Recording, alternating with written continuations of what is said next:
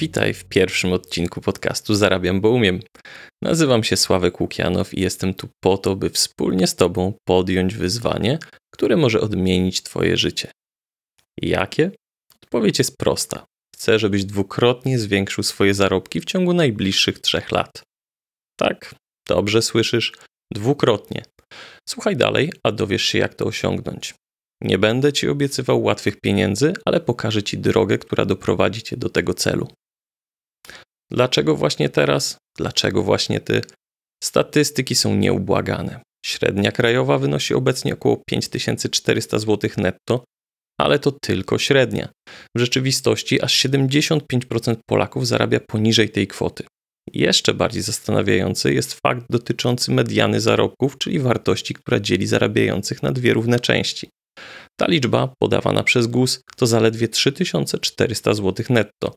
Dobie rosnących cen i niewielkiego wzrostu płac, te statystyki są wręcz alarmujące. Żyjąc w rodzinie 2 plus 2 w średniej wielkości mieście, nawet dochody na poziomie 10 tysięcy złotych często okazują się niewystarczające. Wysokie stopy procentowe, kredyty, rachunki, lista wydatków jest długa, a końca nie widać. W ciągu ostatnich trzech lat średnia krajowa wzrosła o około 30%. Być może zastanawiałeś się, dlaczego nie odczułeś tego na własnej skórze. Mam na to odpowiedź: nie jesteś sam. Ale co zrobić, by to zmienić? Tutaj zaczyna się nasza wspólna podróż.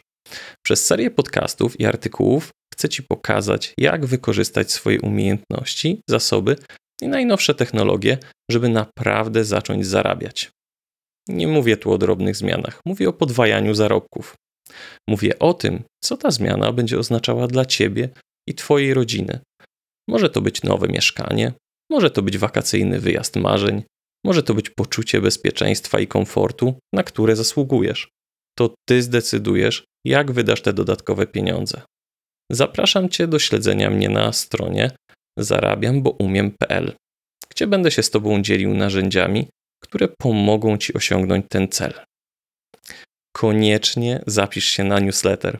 Jego pierwsi subskrybenci dostają za darmo dostęp do wyjątkowego narzędzia wirtualnego trenera kariery, który na bazie Twoich odpowiedzi z wykorzystaniem sztucznej inteligencji przygotuje dla Ciebie propozycje rozwoju na obecnym stanowisku oraz zasugeruje inne ścieżki rozwoju, w których świetnie byś się sprawdził, a pozwolą zarobić Ci więcej.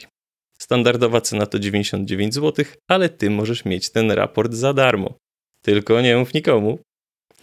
Możesz mnie też znaleźć w mediach społecznościowych, gdzie pokazuję moją ścieżkę rozwoju. Od program menadżera do dyrektora w dużej korporacji. Moje sukcesy, ale i porażki, z których też możesz czerpać inspirację. To tyle, jeśli chodzi o wstęp. Jesteś gotów? No to lecimy. Zaczniemy od czegoś, co jest często pomijane, ale ma kolosalne znaczenie w kontekście Twojego rozwoju zawodowego. Mówię o Twoich osiągnięciach. Nie, nie zacząłeś swojej kariery zawodowej wczoraj. Nawet jeżeli masz wrażenie, że Twoje doświadczenie jest niewielkie, to jestem pewien, że masz już za sobą jakieś sukcesy. Pytanie brzmi, czy masz je gdzieś spisane? Założę się, że nie. A to błąd, który można szybko naprawić i który ma realny wpływ na Twoje zarobki. Wszyscy mamy tendencję do zapominania o naszych mniejszych i większych sukcesach. A kiedy przychodzi czas rozmów o podwyżce, często nie potrafimy sobie przypomnieć wszystkich szczegółów, które by nas sprzedały w oczach przełożonego. Dlatego ważne jest, aby prowadzić swoisty dziennik osiągnięć. Może to być notatnik, aplikacja na telefonie czy dedykowany dokument w chmurze. Ważne, żebyś miał do niego szybki dostęp. Co zapisywać? Oto kilka kategorii. 1. Standardowe obowiązki, które zrealizowałeś ponadprzeciętnie dobrze. Może udało ci się skończyć projekt przed czasem, a może znalazłeś sposób na optymalizację jakiegoś procesu. 2. Działania wykraczające poza standardowe obowiązki. Być może zorganizowałeś szkolenie dla zespołu, może podjąłeś się dodatkowego zadania, które nie należało do Twoich obowiązków, ale miało pozytywny wpływ na działanie firmy? 3. Pochwały innych pracowników lub klientów. Jeżeli ktoś Cię pochwalił, zapisz to. Może być to pochwała ustna albo pisemna. Przy pisemnych zachowaj oryginały. Pochwały innych osób zawsze dobrze wyglądają przy prośbie o podwyżkę i przy decyzji o awansie. 4. Sukcesy zespołu, do których się przyczyniłeś. Jeżeli Twój zespół odniósł sukces i Ty masz w tym swoją zasługę, również to zapisz. 5. Oszczędności dla firmy. Jeżeli dzięki Twoim działaniom firma zaoszczędziła pieniądze, czas czy inne zasoby, to również jest to coś, co zasługuje na uwagę. Twój szef powinien być na bieżąco z tymi osiągnięciami. Nie chodzi o to, żeby się chwalić na każdym kroku, ale o to, by komunikować swoją wartość. Jeżeli Twój przełożony jest świadomy Twojego wkładu w sukces firmy, jest większa szansa, że z własnej inicjatywy zaproponuje Ci podwyżkę. Na razie zakładam, że masz szefa, który jest nastawiony do Ciebie pozytywnie i nawet jeżeli jakoś specjalnie nie wspiera Cię w Twoim rozwoju zawodowym, to przynajmniej nie działa w tym obszarze destrukcyjnie. Jeżeli stykasz się z takim szefem, to będzie na to odpowiedni odcinek. Na razie nie martw się o to i rób swoje. Nadal wszystkie te elementy ci się przydadzą. Skoro już wiesz, jak prowadzić rejestr swoich osiągnięć i jak komunikować je do przełożonych, czas przejść do następnego kroku. Mam na myśli budowanie relacji z szefem Twojego szefa i innymi kluczowymi osobami w firmie. Absolutnym minimum, jakie musisz osiągnąć, to żeby szef Twojego szefa znał Twoje imię, nazwisko oraz miał ogólne pojęcie o tym, co robisz. Ale to dopiero początek. Jeżeli możesz mu jakoś zaimponować, możesz liczyć na szybszy awans i wyższe zarobki. Jak to zrobić? Oto kilka sposobów. 1. Zrozum cele i priorytety firmy. Wiedza ta pozwoli ci skierować swoje działania w taki sposób, że będą one zgodne z ogólną strategią przedsiębiorstwa. Jeżeli możesz, weź udział w spotkaniach, na których są omawiane te cele. Czytaj i analizuj najważniejsze dokumenty w firmie.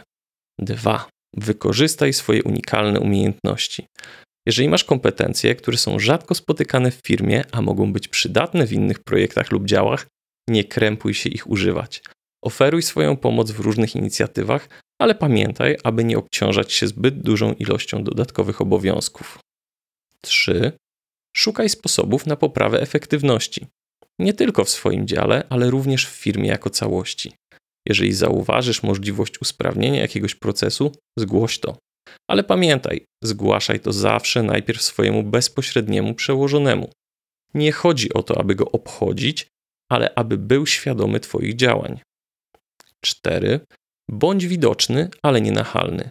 Oczywiście nie chodzi o to, żeby być uwierającym i wszędobylskim, ale jeżeli masz okazję przedstawić swoje pomysły lub wyniki pracy na szerszym forum, zrób to.